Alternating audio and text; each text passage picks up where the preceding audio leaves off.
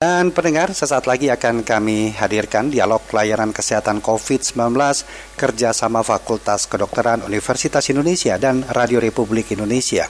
Tema yang akan kami bahas dalam dialog pelayanan kesehatan nanti adalah kontaminasi dan ancaman parasit protozoa dari air.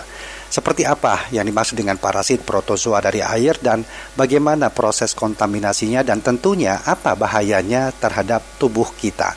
Nanti narasumber yang akan berbincang atau yang akan kami membahas dalam uh, dialog lain kesehatan ini adalah Dr. Ika Puspasari M. Biomed PhD SPAK dari Departemen Parasitologi.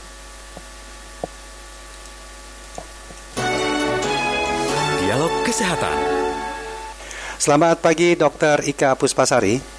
Selamat pagi. Iya, apa kabar dok? Alhamdulillah baik. Ya, tema kita adalah kontaminasi dan ancaman parasit protozoa dari air. Mungkin di awal bisa dijelaskan terlebih dahulu dok ya. Yang disebut dengan parasit protozoa dari air itu seperti apa? Oke, nah mungkin kita sering dengar kata-kata ini ya protozoa. Iya. Yeah. Itu. Nah protozoa ini sebenarnya merupakan salah satu parasit yang bersel satu, uh, yang bisa hidup sendiri atau bisa uh, berkoloni atau berkumpul bersama. Hmm mereka ini bisa hidup bebas di alam. Uh, selain bisa hidup bebas di alam, tapi dia juga bisa menumpang pada uh, hewan atau manusia gitu ya. Uh, kemudian karena dia bisa hidup bebas di alam, pastinya dia bisa ditemukan banyak di banyak uh, tempat, di banyak mm -hmm. hal, mm-hmm. bisa di air, bisa di debu, bisa di makanan, di udara dan sebagainya. Nah, sekarang yang jadi concern kita adalah pada air. Kan kita tahu air itu salah satu sumber daya uh, alam yang punya peranan vital untuk kehidupan manusia ya. Yeah. Jadi ketersediaan air yang bersih itu pastinya penting sekali gitu untuk kesehatan masyarakat umum. Yeah. Baik, baik untuk minum, untuk kebutuhan rumah tangga dan sebagainya. Nah, um, mungkin karena kurangnya concern atau kewaspadaannya terhadap paras, uh, ancaman parasit protozoa ini kadang-kadang kita suka uh, lengah gitu ya. Nah, kemudian mengenai paras kembali lagi ke parasit yang di air tadi, sebenarnya sudah banyak laporan kalau di luar negeri wabah yang disebabkan oleh parasit protozoa dari air. Mm-hmm. Nah, utamanya ada dua spesies nih yang paling paling sering gitu ya dilaporkan di Amerika Serikat, di Inggris dan beberapa negara di dunia lainnya, yaitu parasit Cryptosporidium dan Giardia.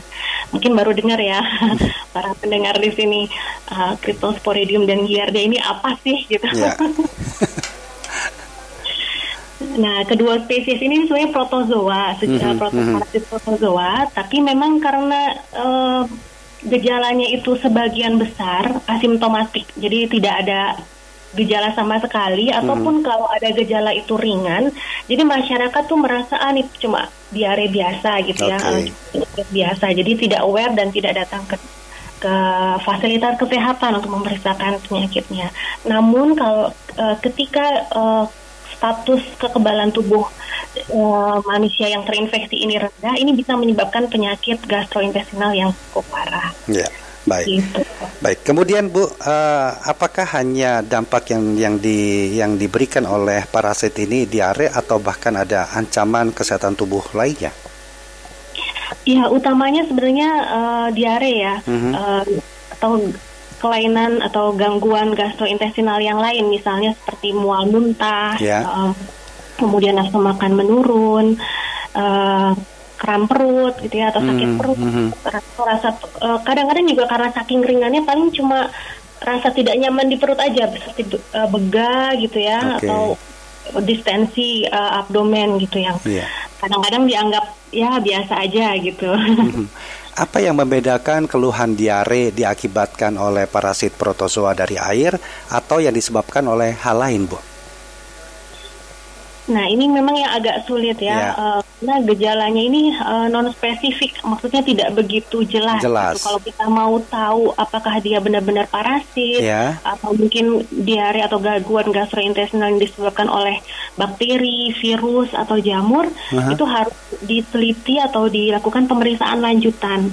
Hmm. Namun sebenarnya kalau dari gejalanya kita harus apa tracking back gitu, lihat ke belakang uh, riwayat mungkin pernah uh, makan apa atau okay. pernah melakukan aktivitas yang berhubungan dengan air misalnya apa. iya. Ya kalau kalau kripto dan giardia ini karena memang ini parasit yang utamanya ditularkan melalui air, nah biasanya tuh ada riwayat mungkin berenang atau tertelan air Mhm, sungai mhm. atau air kolam renang. Mhm. Gitu. Apakah memang parasit protozoa dari air ini dok bisa mengkontaminasi segala jenis air yang ada? Yang akhirnya kita konsumsi misalnya seperti itu. Eh, bisa, bisa. Bisa. Pasti Hmm. Jadi kalau mungkin karena di Indonesia eh, kalau di daerah rural atau pedesaan kan minum air masih dimasak ya itu Mhm, mhm. masih aman. Kemudian kalau di Oh. sini mungkin sebagian besar masyarakat perkotaan udah pakai air mineral Iya. yang tentunya itu sudah melewati proses eh, Sterilisasi. Sterilisasi dan sebagainya sehingga aman untuk diminum. Mhm. Nah tapi eh, kalau air yang apa rekreasi gitu ya seperti untuk seperti untuk aktivitas eh, pribadi aktivitas outdoor gitu ya Mhm, misalnya mhm. di pantai atau berenang di pantai atau berenang di kolam renang atau mungkin di- eh, berenang di sungai kemudian tertelan itu bisa jadi potensi eh, untuk ter apa ya terinfeksi parasit ini. Oh, Oke, Nah, baik. ini yang punya ke- kekhasan yang tidak dimiliki oleh bakteri, virus atau jamur, Mhm. karena salah satu stadium dari parasit ini namanya stadium ookista atau kista, Mhm. dia memiliki dinding yang sangat tebal. Jadi kalaupun kita berenang di kolam renang atau kolam renang yang sudah diklorinasi, Ya. eh, dikasih favorit ya, Ya. bahasa Inggris Dia ya. tetap bisa hidup ya, dok ya? bisa hidup, dia masih tahan, jadi eh, sangat resist gitu ya, Mhm. tahan Tapi, hmm, tetapi kan ka- ka- katanya setiap jenis makhluk ataupun parasit yang ada di air panas itu tidak akan hidup. Apakah ini juga akan seperti itu atau jangan-jangan memiliki kekebalan yang luar biasa juga ini dok? In- Alhamdulillah sih enggak ya. Nggak Jadi ada ya? parasit ini Iya. kalau kita minum air yang sudah dididihkan, sudah Iya. dimasak, insya Allah aman untuk diminum. Baik, parasit protozoa dari air ini munculnya musiman di musim-musim tertentu saja atau dia segala musim pun oh, memiliki ancaman untuk untuk bisa mengkontaminasi kita? Kalau di Indonesia di segala musim, tapi Iya. kalau di luar negeri ke- eh, seperti di negara yang punya empat musim, Ya. mereka biasanya melakukan aktivitas di luar outdoor activity itu kan di ketika musim panas atau summer. Mhm. Jadi mereka tempat ke pantai, berenang dan sebagainya. Nah mereka biasanya seasonality, jadi musiman Iya. gitu. Baik. Tergantung daerahnya. Jadi kalau di luar tuh berbeda dengan di kita. Di kita bahkan segala musim artinya sepanjang eh, sepanjang hari ini akan berpotensi muncul parasit protozoa ini ya. Berbeda dengan di negara yang memiliki empat iklim. Baik, dokter kita undang pendengar dok ya untuk bisa berinteraksi. Mungkin ada yang ingin ditanyakan dalam pembahasan kita di pagi hari ini. Silakan pendengar 021 352 3172, 021 386 2375, 021 384 4545, 021 386 6712 serta WhatsApp kami di 081 399 399 888 bersama dengan Dr. Ika Puspasari M Biomed PhD SP Park dari Departemen Parasitologi Klinik. Tema kita adalah kontaminasi dan ancaman parasit protozoa dari air. Di awal tadi sudah dijelaskan. Baik, dokter sambil menunggu pendengar, ancaman tertinggi dari parasit protozoa dari air ini selain diare, kemudian uh, mengalami gejala mual dan lain sebagainya. Ini apa? Infeksi individu atau pasien manusia yang memiliki daya tahan tubuh rendah. Oh, Nah, zaman sekarang ini kan makin banyak ya. Kalau zaman dulu mungkin penyakit masih tidak seberagam sekarang ya. iya. Di sini saat ini eh, seperti penyakit-penyakit dengan gangguan eh, imunitas itu makin meningkat Mhm, frekuensi mhm. vaksinnya. Misalnya penyakit eh, pasien-pasien HIV/AIDS, pasien dengan autoimun, Mhm. dia misalnya seperti sistemik lupus ya, Oke. lupus erythematosus, kemudian pasien-pasien dengan eh, keganasan atau kanker atau pasien-pasien dengan riwayat transplantasi organ. Kan sekarang orang kayaknya pindahin organ makin sering apa Gampang ya dok ya. Puzzle gampang gitu. Iya. Nah, pasien-pasien itu biasanya men- mendapatkan uh, obat Aha. uh, imunosupresan, jadi yang menekan sistem imun. Oke. Nah, jadi otomatis imunitas atau kekebalannya ditekan Mhm. uh, sehingga tidak uh, menolak uh, organ transplant yang diberikan. Baik, ya. Ini dia punya resiko untuk terinfeksi parasit. Iya. Nah, seperti ini dan punya uh, nantinya akan memiliki manifestasi yang lebih parah dibandingkan Oh. imunokompeten. Iya. Ini menarik sekali, tapi nanti kita bahas lebih lanjut. Sudah ada pendengar ini, Dokter Ika ya. Kita terima dulu ada Pak Ramadan di Sorong. Pak Ramadan, selamat pagi Pak. Iya, selamat pagi. Assalamualaikum. Waalaikumsalam Bang warahmatullahi wabarakatuh. Dokter, Ika, dokter ya, Ya. Ika Puspisa, Puspisa, Iya. apa, Pus- Puspasari ya. Ika Puspasari. Ya, Iya dokter kan, kalau kita panggil dok salah lah ini sih dikiranya dokter. ya silakan, silakan Pak. Iya dia bu dokter. Ya, jadi tadi mengenai apa protozoa ya, Iya. hewan bersel satu yang hidup sendiri ya gitu tadi ya, atau mikroorganisme. Iya. Ini dia sebesar apa sih bisa dilihat dengan mata? Hmm, biasa atau ukurannya berapa besar ya? iya, apa? Dia termasuk apa? Bakteri atau Hmm, apa? Nah yang baik. kedua saya mau tanya tentang terkait dengan virus 19 covid 19 kan? Habis bicara soal konta, kontaminasi ya. Ya, jadi jika orang yang misalnya terpapar covid 19 kemudian eh, mandi-mandi di tempat terbuka wisata lah seperti di Mhm. Ancol katakanlah di Ancol begitu ya Mhm. nah Iya.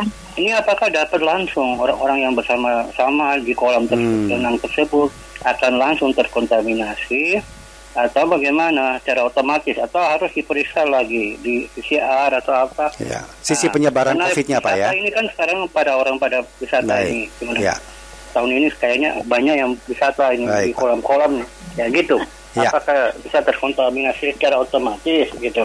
Terima kasih. Baik, Selamat terima kasih pagi. Pak Ramadan di Sorong. Ya, terima kasih. Selamat pagi Pak Ramadan.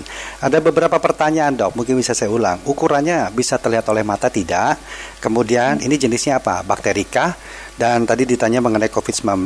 Kalau seseorang atau terjadi kerumunan di air misalnya berenang, apakah eh, penyebarannya itu langsung atau memang harus melalui metode pengetesan terlebih dahulu? Bagaimana dok?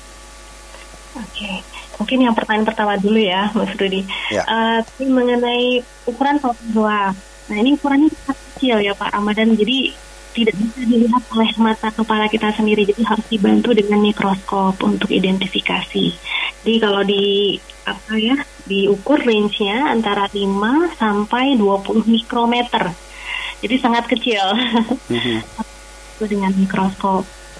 Tadi mengenai kontaminasi, kemungkinan terinfeksi ya ketika berenang di kerumunan di Ancol. Ini masih eh, transmisi un- untuk COVID-nya atau untuk parasitnya nih, para badan. Nah, iya. Kalau Kalau COVID- misalnya dari sisi COVID-nya bagaimana dok? Tapi mungkin Iya. bisa tidak dok ditahan dulu jawabannya. Kita jeda Oke. sesaat. Nanti kita lanjutkan kembali dok ya untuk melengkapi apa yang tadi disampaikan oleh atau ditanyakan oleh Pak Ramadan. Baik, Ya, jangan baik. ditutup dulu dok ya. Baik pendengar, kami ajak Anda untuk menuju ruang gatekeeper kami untuk menyimak informasi singkat berikut ini. Kilas Berita. Kabar bahagia pendengar karena Kementerian Kesehatan Budi Gunadi Sadikin menyebutkan kalau ada program vaksinasi Human Papilloma Virus atau HPV HPV ya untuk mencegah penyakit kanker serviks di Indonesia yang menyasar pelajar perempuan kelas 5 dan kelas 6 sekolah dasar. Ini berdasarkan keterangan dari pelaksana pusat Direktur Pengelolaan Imunisasi Kemenkes yang mengatakan kalau HPV ini diberikan para siswi kelas 5 dan 6 dan diberikan sebanyak dua kali. Pemberiannya berlangsung secara bersamaan dengan program Bulan Imunisasi Anak Sekolah atau BIAS yang rutin diselenggarakan pada bulan Agustus dan November setiap tahunnya. Vaksinasi HPV ini telah dimulai di dua provinsi dan lima kabupaten kota di Indonesia sejak tahun 2021 dan diperluas di tiga provinsi dan lima kabupaten kota tahun ini. Rencananya, vaksinasi kanker serviks ini akan berlaku secara nasional pada 2023 dan 2024. Untuk informasi menarik lainnya Anda juga bisa akses di rri.co.id. Kembali ke Rudi. Kilas Berita. Pro 3, Jaringan Berita Nasional. Baik pendengar kita lanjutkan dialog layanan kesehatan pagi hari ini bersama dengan Dr. Ika Puspasari M. Biomed PSD SP Park tentang tema kita masih dan silakan dokter mungkin bisa melanjutkan untuk melengkapi eh, jawaban tetapi ternyata sudah ada pendengar kita sapa dulu ini Dr. Ika ya ada pendengar yang sudah tersambung bersama kami Pak Nur Hadi di Pasar Rebo selamat pagi Pak Nur Hadi Terima kasih, selamat pagi Iya Mas Rudi dan Dr. Ika. Salam sehat selalu. salam sehat selalu juga Pak silakan Terima kasih. Ya, Dr. Ika eh, mohon izin bersama Mas Rudi Mhm. agak ngelebar sedikit tapi mudah-mudahan masih ada hubungannya sama uh, PP ini Apa uh, itu, pagi Pak? hari ini. Ya. Bukan di air tapi pada makanan yang kemudian masyarakat yang menyantapnya itu terpapar diare. Mhm. Jadi bahasanya misalnya nasi bungkus atau apa yang jelas-jelas makanannya tidak basi, masih hangat, tapi kemudian terpapar eh, menjadi rata-rata kemudian mual dan eh, diare begitu. Baik. Nah, yang saya mau tanyakan eh, biasanya kan diklaim kepada masyarakat basi kali loh kalau basi pasti yang makan nggak banyak kayak gitu ya kan jadi makanannya secara dirasa di mulut Baik. normal tapi Ya. kemudian terpapar Ada ya. Ki- kira-kira untuk menghindarinya gimana? Apakah Ya. salah satu pengunjung harus tes dulu kalau dia nggak sakit baru kemudian dimakan? Kan nggak mungkin ya dok. Baik, Dan baik. Pak Nur Hadi. Terima kasih, Ya, selamat pagi. terima kasih. Selamat pagi Pak Nur Hadi. Berikutnya kita tabung dulu Dokter Ika ya. Ada Pak Ali di Tarakan. Pak Ali selamat pagi. Selamat siang. Selamat siang waktu Tarakan di Kalimantan. Silakan Pak Ali. Saya mau tanya sekali dokter, apakah juga ini saya hidup air asin? Eh, bisa diulang Pak? Terputus-putus Pak suaranya Pak. Apakah Pak, yang ini bisa hidup juga di air asin? Di air Asin. air asin ya. Iya, Baik. tambah soalnya, soal saya ini kerja di tambang ini barang saya sebenarnya bang, kok gatal-gatal karena air asin ini, apakah? Hmm. Ya, bisa hidup tidak ya di air asin begitu ya? Iya. Baik, baik Pada, ya. Dan apa bisa menimbulkan bisa apa selain ya, selain dia bisa juga gatal-gatal? Ya, ya. Ya, Baik, kami sudah kasih. tangkap Pak poin ini yang ditanyakan. Terima kasih Pak Ali ditarakan. Silakan dokter mungkin melengkapi dulu apa yang tadi disampaikan ditanyakan oleh Pak Ramadan mengenai jika berkerumun berenang, baik itu secara COVID penyebarannya bagaimana dan memang kalau terkontaminasi dengan eh, bakteri ini atau parasit ini seperti apa juga itu dok? Oke, eh, tadi mengenai kalau yang transmisinya COVID ya, kalau di air, Mhm. Di Ancol mungkin karena airnya apa eh, belum diklorinasi, itu ada kemungkinan bisa ditransmisi eh, bisa terjadi transmisi COVID ya, Oke. apalagi berkerumun. Iya. nah berkerumun saja tuh udah Udah udah terjadi Jadi- potensi ya. iya benar. Iya. Nah tapi kalau di kolam renang, kalau Mhm. kolam renangnya juga kolam tidak begitu ramai, insya Allah sih masih aman. Mhm. Itu katakan airnya eh, apa sudah di di disinfektan ya Iya. dengan klorin. Jadi bakteri COVID atau sorry COVID itu virus ya COVID Virus. virus, kalau Mhm. COVID-19 itu sudah mati. Iya. Itu Baik. akan- Tapi kalau dari parasit protozoanya bagaimana nah, penyebaran? kalau parasitnya sama aja, jadi Mhm. baik di air pan, uh, air sungai, air laut Iya. atau air kolam renang karena dia sangat bent- ada bentuk atau stadium yang sangat resist gitu ya, Mhm. resisten. Dia akan tetap hidup viable ya bahasa kerennya.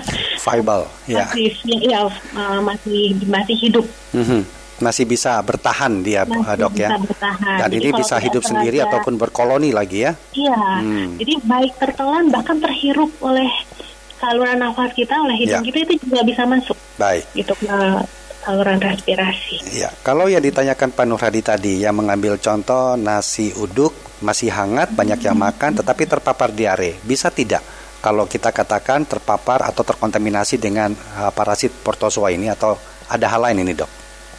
Bisa, eh, bisa saja. Ta- Tapi mungkin kemungkinannya tidak hanya parasit ya, Mhm. bisa juga bakteri atau mungkin virus. Nah ini kembali lagi eh, ke penyajinya Nah, dan yang mem- memasak makanannya gitu ya. Hmm. Eh, jadi, jadi tergantung dari orang yang menyediakan makanan dan yang menyajikan makanan. Jadi memang harusnya ketika apalagi untuk orang banyak gitu ya, Ya, ya. eh, itu harus oh, bukan istilahnya ya eh, harus sesuai dengan eh, Standar kebersihannya, iya, standar kebersihan, kemudian Ya. sanitasinya dan Ya. sebagainya. Kalau di luar negeri, setiap restoran atau kios-kios makanan tuh secara reguler monitorin eh, akan dimonitor oleh badan dari FDA-nya mungkin ya, Iya, secara iya. reguler. Kalau di Indonesia kan karena saking banyaknya ya, Mhm. itu nggak mungkin.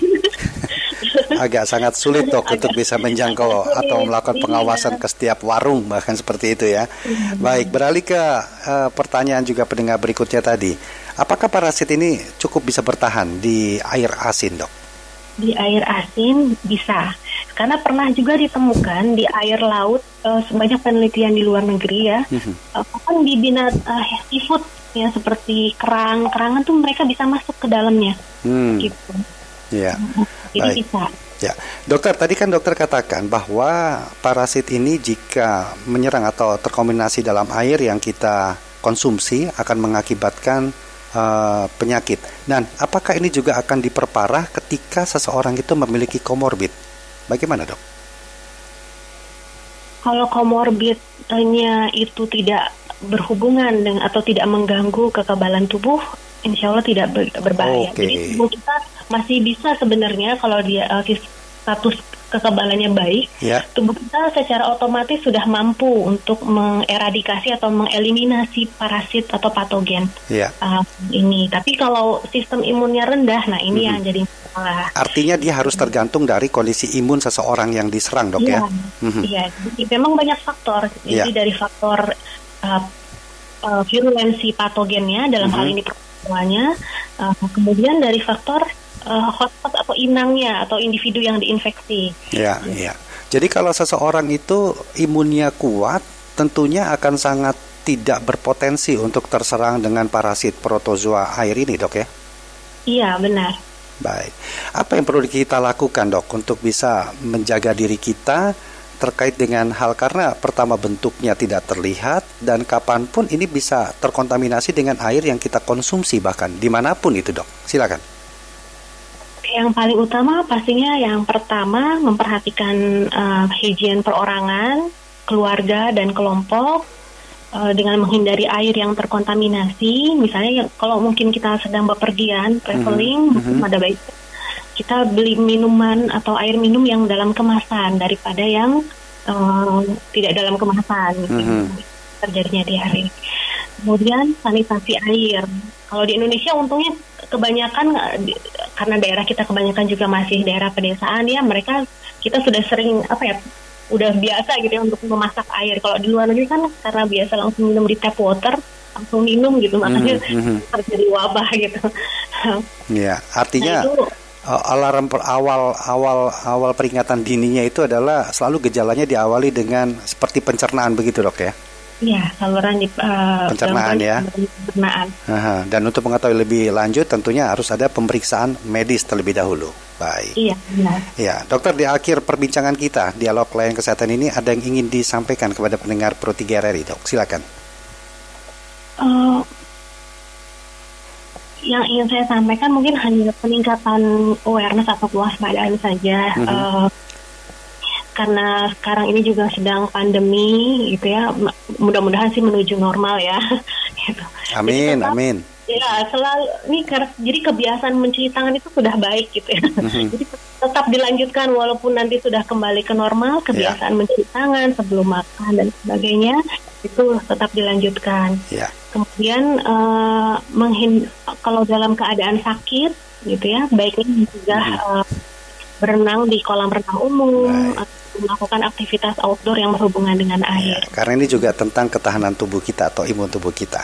Baik, hmm. Dokter Ika Puspasari, terima kasih banyak dok ya sudah meluangkan waktu berbincang membahas tema kita di pagi hari ini dalam dialog layanan kesehatan COVID-19. Semoga apa yang disampaikan bermanfaat buat kita semua, dokter. Terima kasih dok.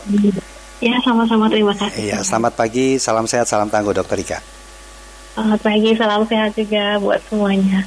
Demikian tadi Dr. Ika Puspasari M. Biomed PhD SP Park dari Departemen Parasitologi dan terima kasih untuk Anda telah berpartisipasi dalam dialog layanan kesehatan untuk pagi hari ini. Tetaplah bersama kami untuk mengikuti informasi dan rangkaian berita lainnya dalam Indonesia Menyapa Pagi.